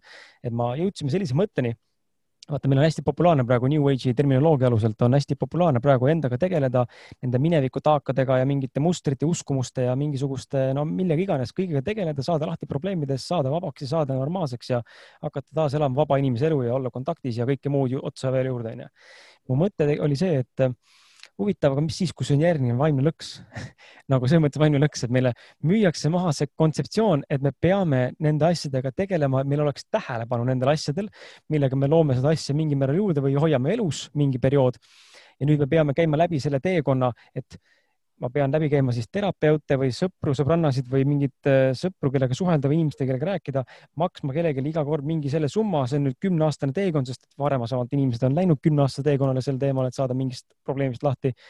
selle asemel, et teha niimoodi, ma enam seda paska ei usu, see ei kehti minu kohta, nüüd on kõik me käime läbi seda teekonda lihtsalt nagu läbi selle raskema filtri nii-öelda. ja siis ma olengi üritanud mõelda, et tekkis niisugune arusaamine, et ähm, noh, ilmselt nii on ka võib-olla, et kuidas saaks mm. seda kiiresti läbi lõigata, ilma peaksin mängima seda, seda lolli mängu siin kaasa, kui ma tegelikult ei viitsi tegeleda mingisuguste, ma ei tea, enda isa teemadega või oma ema teemadega või mul on palju lihtsam teha niimoodi ja see on korras, aga ei suuda. vaata, minu arust sa väga hea teema, teema tõstatasid praegu, ma kahest vaatest lähen, läheneksin sellele isiklikult, et äh, esiteks, kui meil oleks elus kõik hästi, mille paganama pärast ma peaksin pingutama, et olla teadvel ja näha läbi oma mustreid, miks? me võiksime sellest maailma ilust olla nii haaratud ja nii sumbunud sellesse ja mõned inimesed ongi ja see ongi võib-olla nende kogemus, et ei olegi vajadust. seetõttu ma kõiki kannatusi, mida ma olen nende viieteist aasta jooksul läbi elanud, me räägime emotsionaalsetest kannatustest eelkõige mm, -hmm. mis tähendab rahulolematust eelkõige asjadega ja ka tänaseid kannatusi, ma näen seda tohutu võimalusena iga päev praktiseerida. kui mul ei oleks neid rahulolematusi, siis mul ei oleks mingit põhjust otsida oma seda kõrgemat mina ja paika, kus tegelikult on juba rahu. ja nüüd selle vastuse teine pool ongi see, et see persona lugu, see, millega tegeleb teraapia. See on, kui me kasutame sellist nagu duaalset lähenemist, on see teadalolek, teadmus, mitte, mittemateriaalne vaatleja, siis eh, see ei ole selle story'ga mitte kuidagi seotud nüüd umbes kaks aastat tagasi või kuni umbes, umbes kahe aasta taguse ajani, ehk umbes aastani kaks tuhat kaheksateist, uskudes oma nii-öelda gurusid ja õpetajaid, kes ütlevad, et tegelikult nii-öelda see otsetee on olemas. Et sa ei pea seda asja ära lahendama, sellepärast et sa ei suuda seda ära lahendada, sa ei suuda seda lõpuni ära lahendada, et nüüd ma olen rahus olev isik. aga ma kuidagi sattusin inimestega kokku, kes äh, väitsid mulle vastupidist, äh, igasuguseid erinevaid versioone, et sa pead oma Mm, egomustrid läbi käima, isiksuse mustrid läbi käima, muidu sa ei mõista seda kõrgemat olemust ja ma mõtlesin, no äkki tõesti. ja ma võtsin ette teekonna ka teraapiasse, käisin päris palju, sain mõningates asjades kasu, aga pigem lühiajaliselt ja täna, kaks aastat hiljem, ma olen tegelikult tagasi selle uskumuse juures, kus ma olin kaks tuhat kaheksateist, need on kaks täiesti erinevat aspekti. üks otseselt teist ei välista, ehk siis ma võin tegeleda selle oma selle isiksusliku poolega ka, kõikide nende lapsepõlve jamadega ja see toob mulle mingites asjades kindlasti rahu, mingites olukordades ma ei reageeri ja ei kannata enam nii palju. aga selle kõige taustal on ikkagi selle iseenda üles leidmine ja sõltumata, mis mu minevikus toimus ja sõltumata, mis haavad ja probleemid mul mm -hmm. isikul on, siis see kõrgem mina kui vaatleja on alati sellest kõigest puhas, sest ta on mittemateriaalne, lihtsalt teadvus, lihtsalt teadvalolek ja kõik need sündmused, sealhulgas mina oma persoonaga olen osa sellest, ütleme teadvusest kui plasmas, see on nagu plasma, kui sa seda hakkad mm -hmm. lähemalt vaatama, plasma. Ja ma võin kõige tegeleda seal plasma sees, aga ma ei saa ära unustada, et ma olen lõpuks selle plasma vaatlejana, noh, kui kujundlikult püüda seda kuidagi nagu, nagu öelda, ma ei tea kas see kõlab nagu kuidagi loogilisena? ma vaatan, see on päris huvitav, oota, mina küll tahan, vaatame kommentaare korraks. Alo, ma küsin sinu käest, kui sa siin kuulad, kas on, kui on tulnud küsimusi praegu, mida sa oled jõudnud äh, kirja panna, siis viska mulle palun Messengeri ja kui ei ole, siis kirjuta mulle ei. okei okay,, anname jah, sealtkaudu need kommentaarid. siis ma ei pea kontrollima hakkama siit seda chati jooksma oma silmade eest läbi. siin inimesed jagavad, jagavad lihtsalt mõtteid ja suhtlevad ka siin mm no siin üks juba see, ma küsin selle, mis silma jäi siis, et Martin, ma ei tea, mis Martin see on, kas see on Martin Pukspuu see on keegi teine Martin, ma ei tea, aga et äh, Kaido, palun äh, seleta, mis vahe on teadvusel ja päris minal. minu jaoks on see üks ja sama täiesti. me kasutame erinevaid termineid, kõrgem mina, päris mina, aga kui ma, mida ma mõtlen selle all, on ikkagi teadvalolek ise mm. -hmm. ja ma tean, mis, miks need, miks segadust sellega palju on, sest et kirjanduses väga palju erinevaid termineid kasutatakse, aga ma kuidagi valisin minna kirjandusest kuidagi nagu natukene mööda ja püüda empiiriliselt aru saada, mis empiiriliselt toimub minu enda sisemaailmas tegelikult. ja täna ma lähtun niimoodi, ma ei ütle, et see nii on, ma ei tea mm, -hmm. aga täna ma lähtun niimoodi, et mm -hmm. on mina, mis on siis oma see teadvus, teadvalolek ja on kõik muu Äh, võtame siit järgmise küsimuse, niikaua kui inimesed saavad äh, läbi mõelda ja mõelda, mis nad tahavad küsida. Äh, kuidas lõpetada enesesabotaaž? sellest on räägitud, ma arvan, piisavalt ja see on samas teema, millest, mille, mille osas võib-olla ei ole piisavalt vastust võib-olla antud praktilises võtmes just. kuidas lõpetada enesesabotaaž, eneseasjatu piitsutamine ning kuidas elada paremas kontaktis ehk kooskõlas? väga praktilise lahenduse kohe sulle. nii, tulista. võta tähelepanu ära ja vii tähelepanu hingamisele ja usu seda, mida ma ütlen praegu. Mhm. -huh. aga tee, räägi, räägi, räägi enda hingamisest, mismoodi sa teed seda siis? Kui sa hakkad endast rääkima mingit lugu uh mhm. -huh. ja kogu aeg saboteerima ennast, siis seal on ainult, ainult üks töötav lahendus on, sa pead võtma tähelepanu ära sellelt loolt. kõigepealt pead eristama, läbi nägema, et see lugu praegu ketrad seda, saboteerid ennast, saama aru, et see on tegelikult mõtteprotsess, millesse mhm. -huh. sa oled praegu täielikult sisse läinud, mis hetk hiljem käivitab kohe emotsionaalsed protsessid sa lihtsalt võtad tähelepanu ära ja näiteks viid hingamisele ja hoiad kasvõi mehaaniliselt nii kaua hingamisel, kuni tunned, et seisund muutub mehaaniliselt. ja kes seda järele ei proovi, see kogemust ei saa, aga põhimõtteliselt, kui sa küsid, mis on praktiline lahendus, siis on ainukene praktiline lahendus. teine lahendus on luua sellesse mõttesse mingi teine versioon endast. see tundub raskem veits.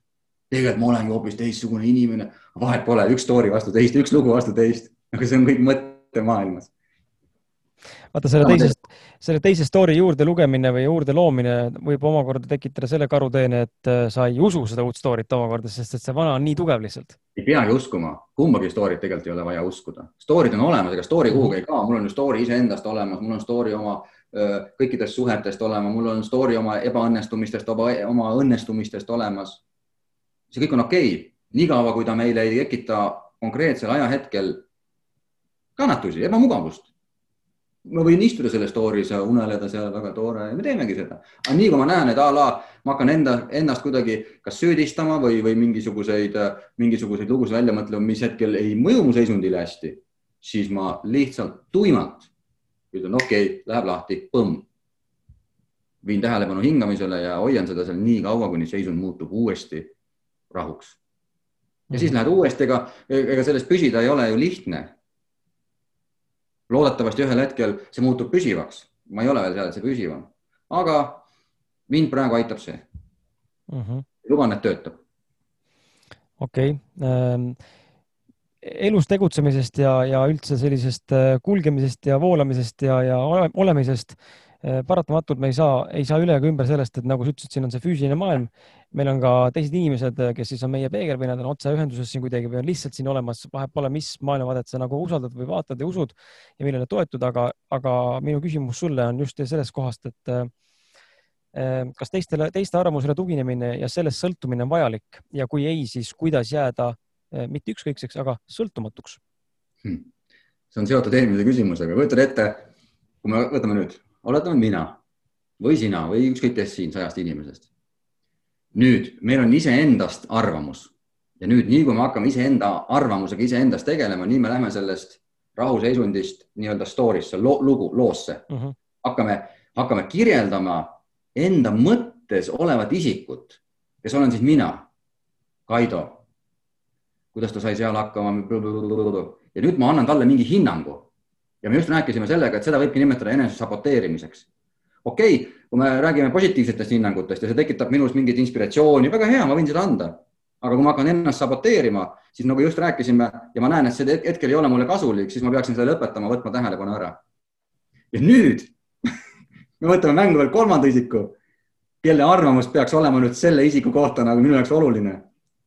ma isegi püüan enda arvamusest nagu lahti saada, rääkimata mingit kolmanda inimese arvamusest. on ju tegelikult naljakas, kui sa niimoodi mõtled mm. -hmm. Aga see on see maailm, kus kohas me elame. et me oleme tegelikult rahu nüüd rahust viib meid välja see, kui me selle äh, tähelepanu võtame oma sellelt olemise kogemuselt ära, viime selle mingile mõtte, kuhugi mõttemaailma siseneme, ketrame seal ja nüüd toome sisse veel kolmanda isiku, kes oma mõtted on siia lisanud, need on minu mõtted selle isiku kohta, see on tema mõtted. ja siis see tekitab, kui meil on tegelikult võimalus lihtsalt ennast välja lülitada ja öelda, et ei, väga tore, väga tore niikaua, kui see mulle praegu kasu toob, niikaua ma võin ju seda kõike arvestada, seda infot, ega ma ei pea ignorantseks muutuma, ah, ma ei kuula midagi, ega see ei tähenda seda, vaid see tähendab seda, et sa suudad teha iseenda suhtes õiglasi valikuid. Ja iseenda suhtes õiglasi just selles tähenduses, et mis hetkel loob mulle rahu ja head tunnet. Ja mis hetkel tegelikult ma peaksin mingit infot ignoreerima. Ja vahet pole, kas see on minu enda poolt mõtetes toodetud info või on see kellegi kolmanda isiku poolt toodetud info. vot nende valikute tegemine, aga samal ajal kõige keerulisem on see, et me oleme nii harjunud samastuma nendega, et need protsessid on nii kiired, et ma kuidagi praegu räägin selle kujundlikult, et mina olen siin ja siin on siin, sest et ma ise kogen seda niimoodi. aga kui sa ei ole neid praktikaid teinud, siis see kõik on siin nagu uh. Mhm. -huh. sa ei suuda sellest välja tulla, sa ei suuda seda vaadelda, objektifitseerida nagu ma, ma objektifitseerin seda kõike. aga see kõik on nagu siin sees selles supis ja see on algul see raske ja sellepärast ongi vaja algul teha võib-olla neid kontsentratsiooniharjutusi, meditatsioone ja see aitab seda teadalolekut suurendada ja selle distantsi iseenda ja nende sisemaailma objektide vahel märkama hakata. väga hea, ma võtan siia vahele kaks küsimust, mis on vahepeal tulnud. üks äh, Sille küsib, et äh, kuidas pidada igapäevaelus meeles lülituda iseendale, et ei unustaks ennast mõtetesse? Emotsioonide kaudu, kannatuste kaudu kui kannat-, kui tunned, et asi läheb nagu ebamugavaks, siis see on kõige parem indikaator, et järelikult ma mõtlen praegu midagi, mis ennast kuidagi või seda olukorda saboteerib. niikaua, kui on hea tunne ja, ja hüppad seal mõtetes lillelt lillele, ma arvan, nii kaua võimegi seda teha, aga nii kui tunned, et seisund muutub, siis tuleb registreerida ära, midagi muutus praegu. seisund muutus, kohe vaatad, mis toimus ja mina käin läbi niimoodi reaalselt. see asi toimus praegu ja see on võimalik, ma räägin oma kogemusest. Sa oled mõtetega võib-olla siin juba ja siin alles koged seisundit, sest et emotsioonid alati reageerivad mingi viitajaga. siis avastad siit ja hakkad vaatama tõk-tõk-tõk-tõk-tõk-tõk, aa, siin mõte muutus ja selle tühistad ära. ja see ongi indikaatoriks. okei okay,, päris huvitav, pole niimoodi, niimoodi ei olegi proovinud ega praktiseerinud, see on äh, päris huvitav kontseptsioon sul. Kusjuures see ei ole kontseptsioon noh, selles mõttes kontseptsioon, et nagu idee praktika. või nagu ettepanek. praktika, jah, jah. praktika, noh, et äh, see on, äh, see on huvitav, seda tasub proovida tõesti. jaa Äh, järgmine küsimus Jane käest. milline praktika peale hingamise, noh, natuke rääkisid ka, aga milline praktika peale hingamise ja enesevaatluse toetab sind igapäevaselt kõige enam? ainult üks praktika mul tegelikult ongi, et see enesevaatlus võib-olla, ma ei tea täpselt, mida sa, Jane, praegu mõtled selle all, aga enesevaatlu, kui sa pead enesevaatluse all nüüd seda, et sa vaatled ennast nii-öelda selles mõttemaailmas ja analüüsid ennast, kui sa pead seda siis see ei ole üldse väga hea praktika, et see on paratamatu, see on harjumus tegelikult. aga peamine praktika ikkagi, mida ma püüangi teha, ongi püsida selles kontaktis.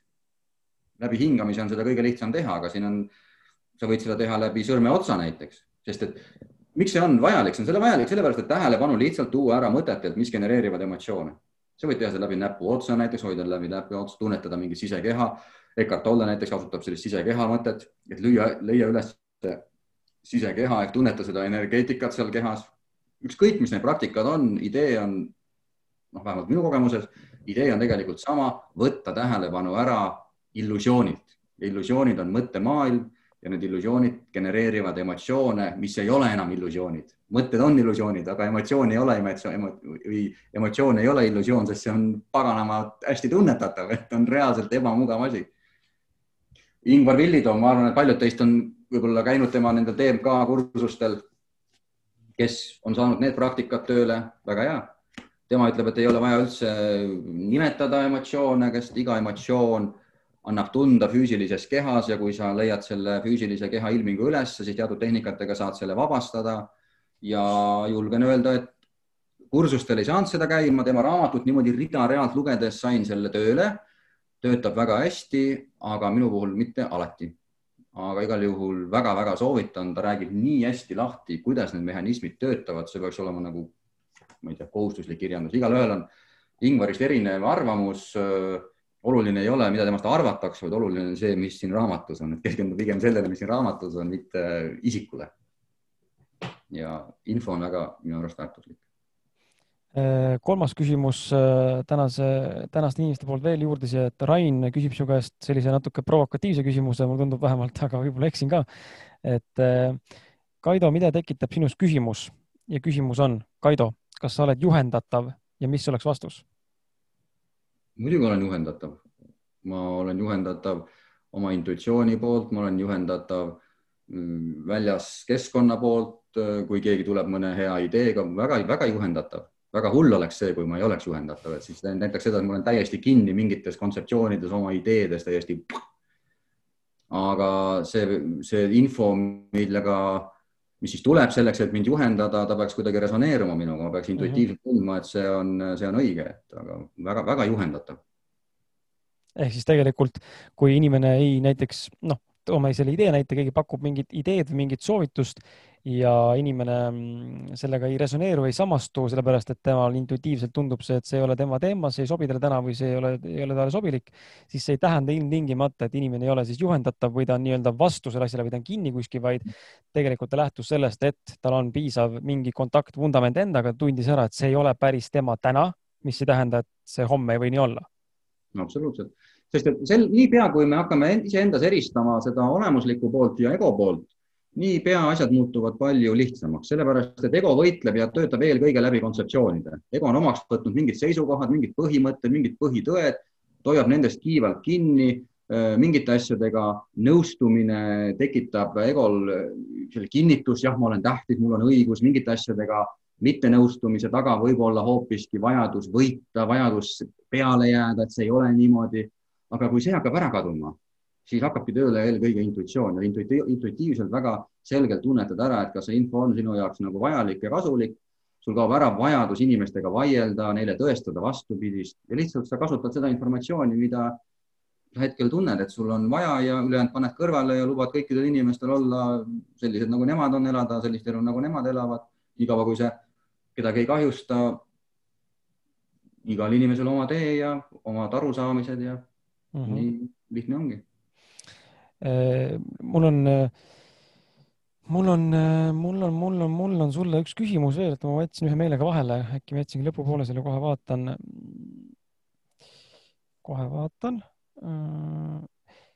noh, sa mingil määral tegelikult ütlesid ka seda, aga, aga küsin su käest selle ära siis, et äh, vaata inimesed, inimesed tihtipeale siin, ma ise ka teinekord äh, teen seda vist ja olen ka teinud ja võib-olla teen ka tulevikus, aga me tahame, tekib, me tahame panna nagu samastuma või tekitada niisugust nagu võrdusmärgi või seost äh, kire ja elu mõtte vahel.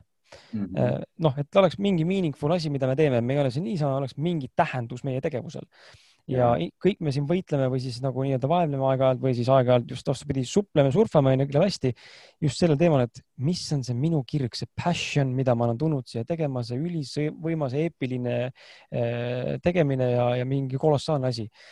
minu küsimus sulle on äh, selles mõttes nagu lihtne, klassikaline, aga samas sügav. mis on sinu jaoks elu mõte ja kas seal üldse on mingit mõtet mm.?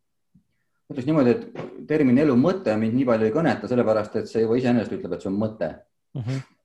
mõte tekib mõistuses ja ükskõik, mis mõtte ma oma elule annan, et kui ma olen sõjaväelane, siis minu elu mõtteks on võib-olla kaitsta maailma, aga pärast tuleb välja, et see oli võib-olla hoopiski manipuleeritud sõda, et siis sa ei saanudki aru, et mis see mõte tegelikult oli nagu, aga sel aga... hetkel, kui oled seal missioonil, sa pead sellele mõtte andma nagu mm -hmm.. okei okay,, aga elu tähendus on parem sõna siis?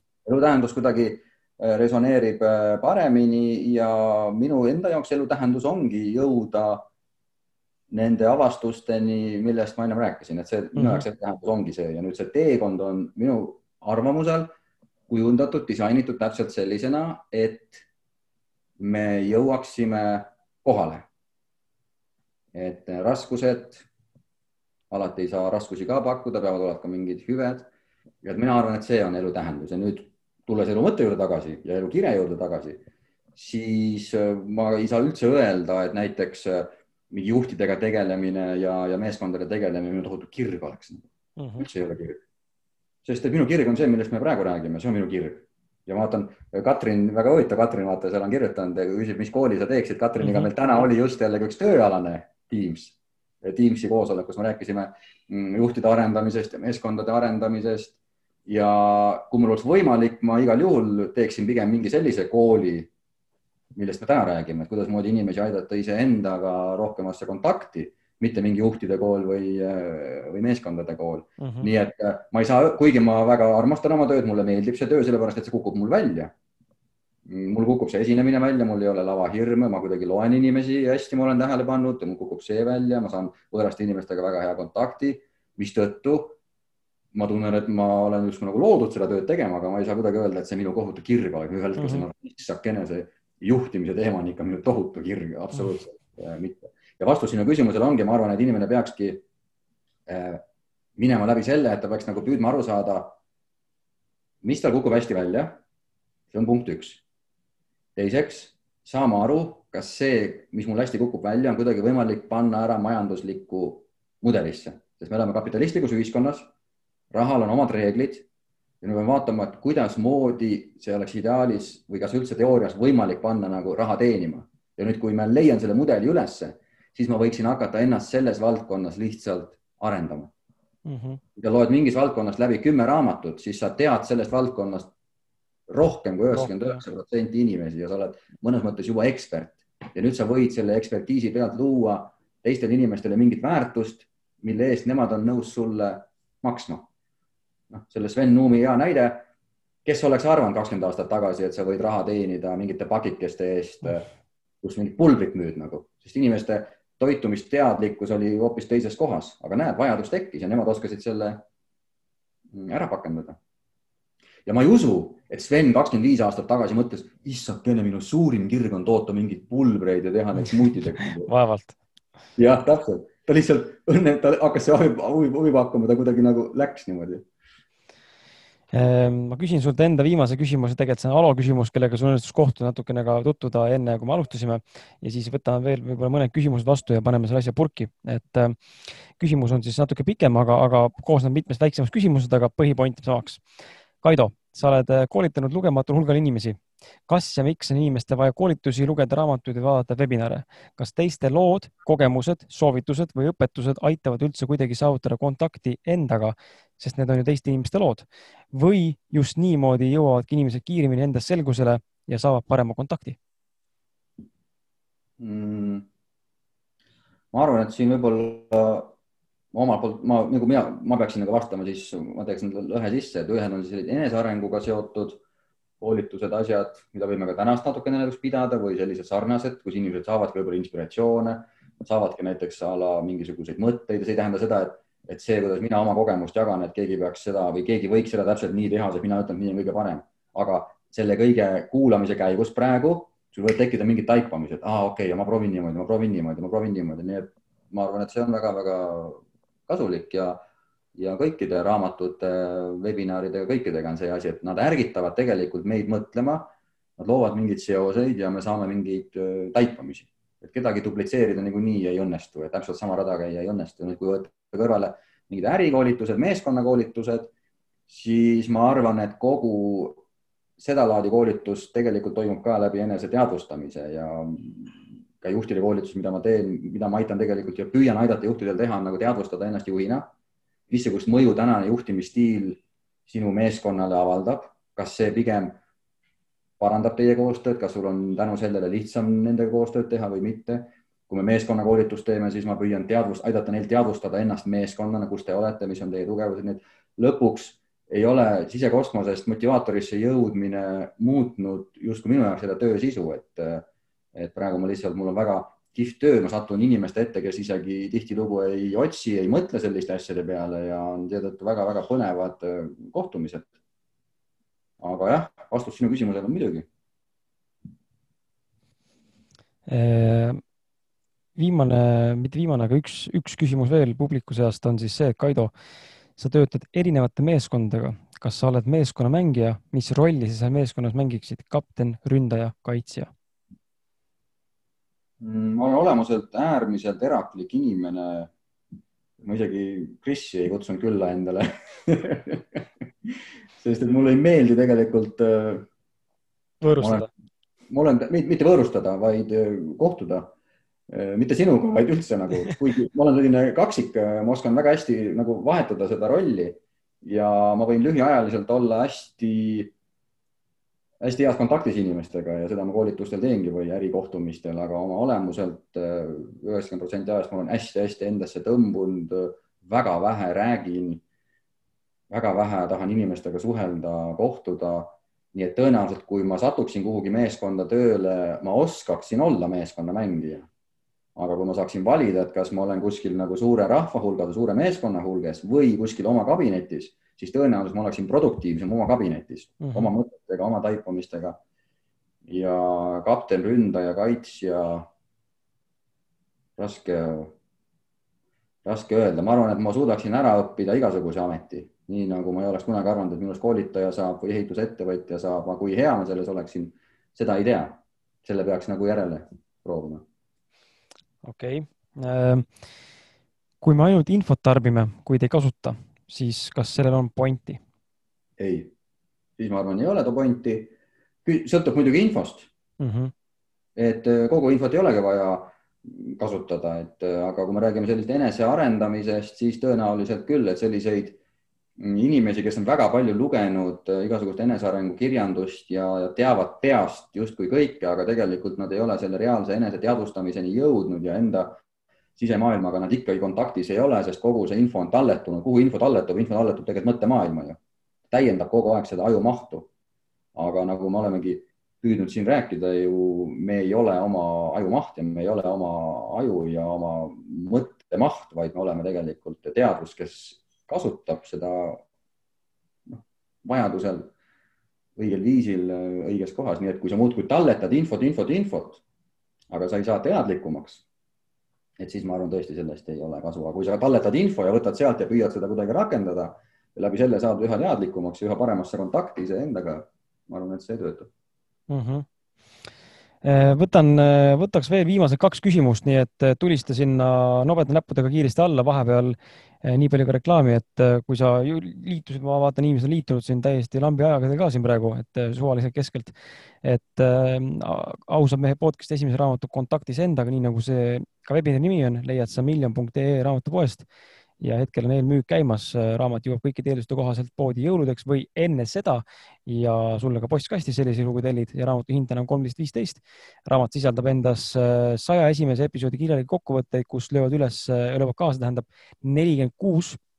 Sealhulgas ka mina, äh, erinevat inimest, kes siis jagavad enda kogemust mingitel teemadel ja ühtlasi kolmkümmend inimest, kui ma ei eksi täpselt, ma õigesti mäletan, kolmkümmend külalist, kes on saates käinud esimese saja saate seas siis äh, jagavad ka sellist äh, lisaväärtust andvat blogipostitust, mis on mõeldud sulle niisuguse inspiratsiooniallikana lihtsalt nende nii-öelda sulest. ja, ja ühtlasi, ühtlasi, ühtlasi, ühtlasi veel äh,. ja ühtlasi veel, et äh, kasutades siis iga selle, iga webinariga me loome ka eraldi koodi, et kui sul on huvi Million Mindseti raamatute vastu, üldse raamatute vastu, siis kindlasti mine vaata, et tänase webinari koodiks on on siis Kaido ja, ja sellega saad, Kaido siis suure tähega ja sellega saad siis eh, kirjastuse Million Mindset leheküljelt www.million.ee eh, saad kõikidelt raamatutelt miinus kakskümmend viis protsenti soodustust. ja see kehtib siis kuni järgmise veebiseminarini. nii et siis järgmine on millal kakskümmend kolm, seega sul on nüüd neli päeva aega seda kasutada, kui sul on selleks soovi. Kas meil on vahepeal äh, tekkinud äh, lisaküsimusi? küsin Alo käest siis, et kui on, siis palun pane mulle ja kui ei ole, siis. ma näen ühte küsimust siin. ahah, väga hea, loeme selle, loe siis ette, mul ei ole chat lahti, siis Alo ei pea eraldi kopeerima seda et Kaido, kuidas tuled toime hingepõhjani solvumisega, haiget saamisega? ma ütleks niimoodi, et äh, et ma tahan, kui kui sa rääkisid seda raamatute juttu, ma mõtlesin, ma tahaks lõpuks nagu veitsa nagu mingi praktilise, kas sellise harjutuse teha või midagi, sest et äh, kõige suurem nagu oht kõikide selliste, sellist tüüpi juttudega ongi see, et ta jääb selliseks teoreetiliseks intellektuaalseks teadmiseks. et sa ei saa nagu selle praktilist nagu kogemust ja sa ei saa nagu praktikas aru, mida see tähendab, et üks viis seda enda jaoks lahti mõtestada, mis on ka vastus sellele, Rain, sinu küsimusele, on kuidagi näha ennast nagu mm, kogemuskihtidena, võib-olla oleks selline hea termin. ehk siis, kui sa hakkad mõtlema, et mida sa nagu koged mitte sina siis personaalselt, aga noh, me kõik tegelikult, mind, mind on aidanud lihtsalt see, et me oleme harjunud äh, oma kogemusteks pidama kõike seda, mida me kogeme endast siis nagu enda ümber, enda keskkond, et neid helisid, äh, lõhnasid, maitseid, äh, pilte, visuaale, need on meie kogemused, eks.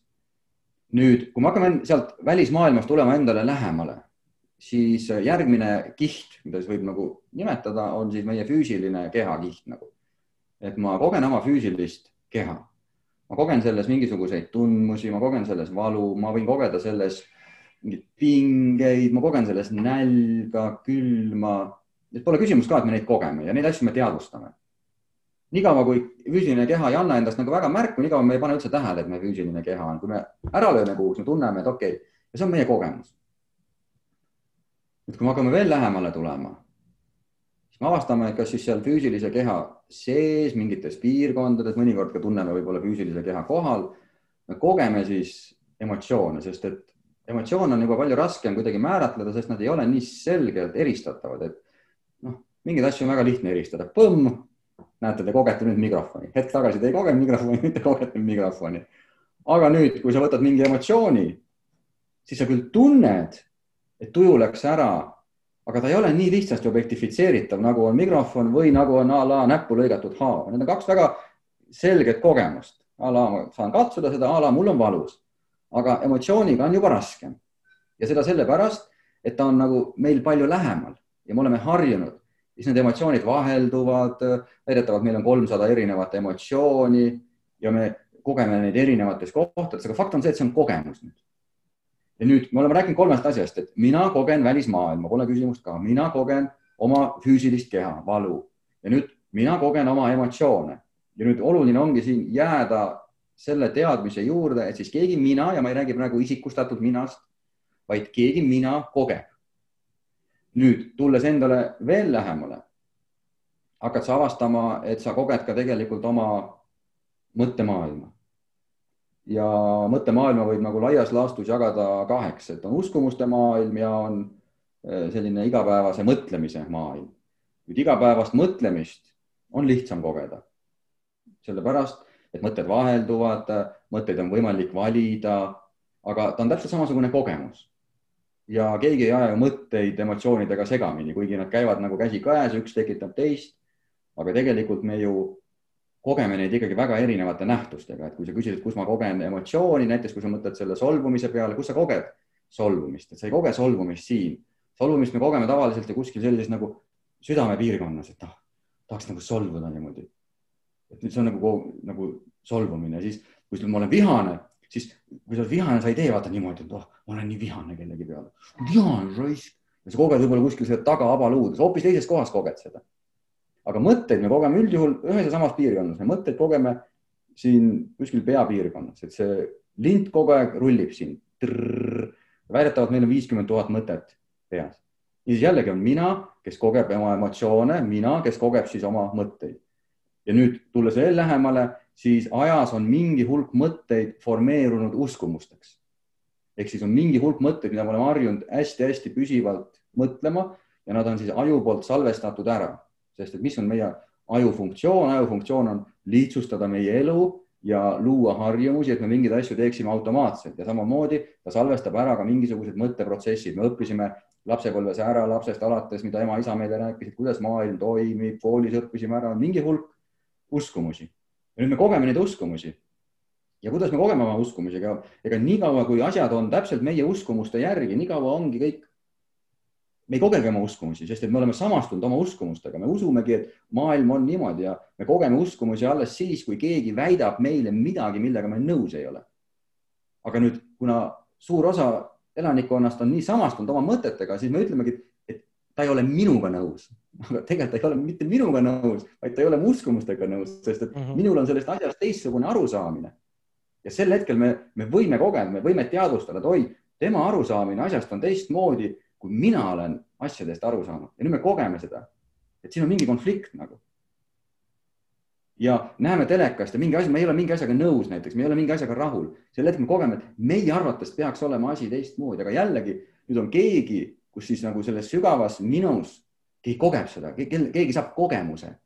ja nüüd loomulikult, kui see meie uskumus põrkub teise uskumusega, see automaatselt kohe sõidab sisse meie emotsioonidesse, sest mhm. emotsioon on ju loodud selleks, et kuidagi meid kuidagi mõjutada, panna meid liikuma ja emotsioon sõidab sisse, me vihastame, võtame telekapuldi, paneme kinni.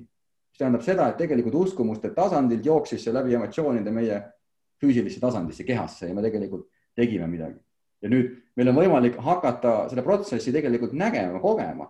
okei okay,, tuli mingi info, see põrkus meie uskumusse, see tekitas minus mingi emotsiooni, see tekitas minus mingisuguse füüsilise impulsi, mille tulemusena ma võtsin puldi, panin teleka kinni ja naine on kõrval, ütleb, et miks teleka kinni panid? ah, see on jama.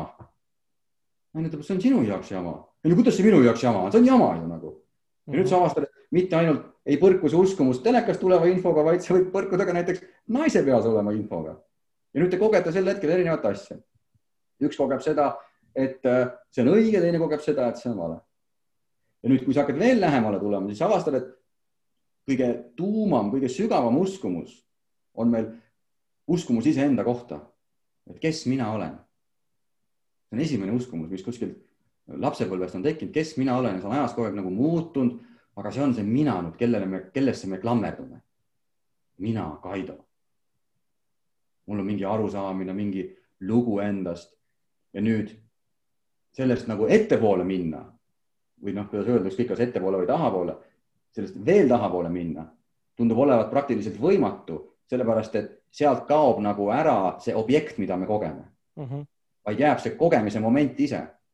aga kuna me oleme harjunud kogema iseennast, siis läbi selle indiviidi või selle isiku, selle Kaido, kes on omaks võtnud mingisuguse hulga uskumusi maailma kohta, kes on omaks võtnud mingi hulga mõtteid, mida ta päevast päeva ketrab, kes on omaks võtnud mingi hulga emotsioone ja kes on omaks võtnud siis selle füüsilise keha, siis sellest ongi tekkinud selline nagu terviklikkuse tunne, et see olen nüüd mina igapäevaselt me kogemegi seda maailma läbi selle tervikliku mina. aga nüüd kogu jutt ongi olnud sellest, et me saame need võtta nagu osadeks ja me ühtegi nendest ei pea eitama, ignoreerima või ebaoluliseks pidama, vaid lihtsalt me saame neid teadvustada. ja nähes läbi seda ahelat või seda mehhanismi, kuidas nad üksteist mõjutavad, kuidasmoodi eh, nende üksteise mõju paneb meid eh, käituma siis see hakkab meid vabastama teatud võib-olla harjumuspärasusest, see hakkab vabastama meid mingitest sundkäitumistest ja see hakkab vabastama ka meid selle kõigega nii automaatselt samastumisest. ja nüüd tulleski ringiga Raini küsimuse juurde tagasi, et a la kuidas tulla toime hingepõhjani solvumisega, siis muidugi mõned solvumised on väga tugevad, aga lõpuks ta on ikkagi nii-öelda ütleme siis kolmanda astme kogemus.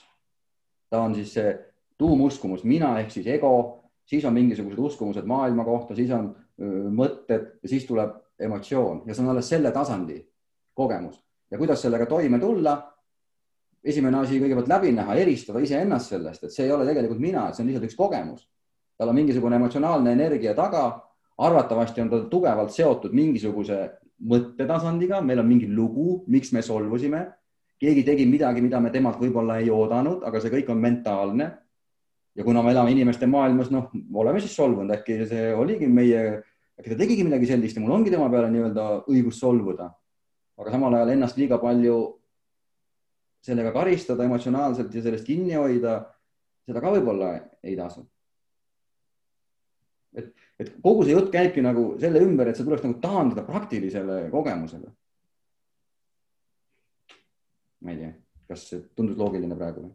ja seda, see oli küll, oli küll pikk vastus ja, ja aga see, selles mõttes ei muidugi, ehm, see paneb sind mõtlema, et ehm, kuidas nagu jah, paremini toime tulla ja kuidas seda asja nagu paremini mõista ja, ja sõltubki sellest, et mis, mis nurga alt asja vaadata ja millised tasandid me mõistame ja, ja kui sügavalt me tahame nagu seda kogemust või üldse asja nagu vaadata, et äh, emotsiooni ja kõike muud. et äh, ja see kõlas loogiliselt.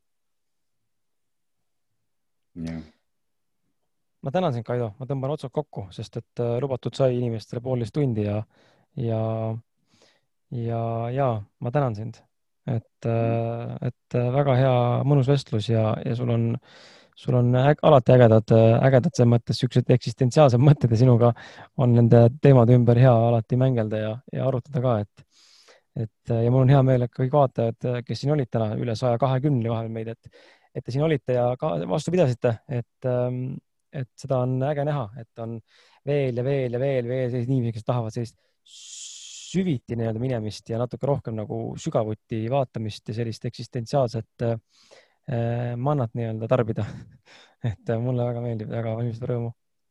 super, suur aitäh sulle kutsumast, suur aitäh, et sa seda projekti vead, sa lood sellega väga-väga palju väärtust. iseküsimus on, kas sa selle rahaks oskad teha ja saad teha, aga väärtus on igal juhul olemas, inimesed tõenäoliselt on väga-väga tänulikud et sa seda teed äh, ja ma usun, et universum sind ka ühel hetkel premeerib, kui sa läbi hammustad.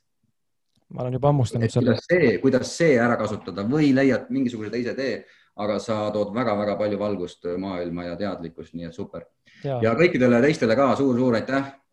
nii sisekosmose äh, teekonnakaaslased siin kümme, kaksteist aastat tagasi kui ka kõik tänased ausad mehed, podcast'i jälgijad, oli väga-väga tore teiega seda aega veeta ja oma mõtteid ja sisemaailma jagada. just. tšau. tšau teile ka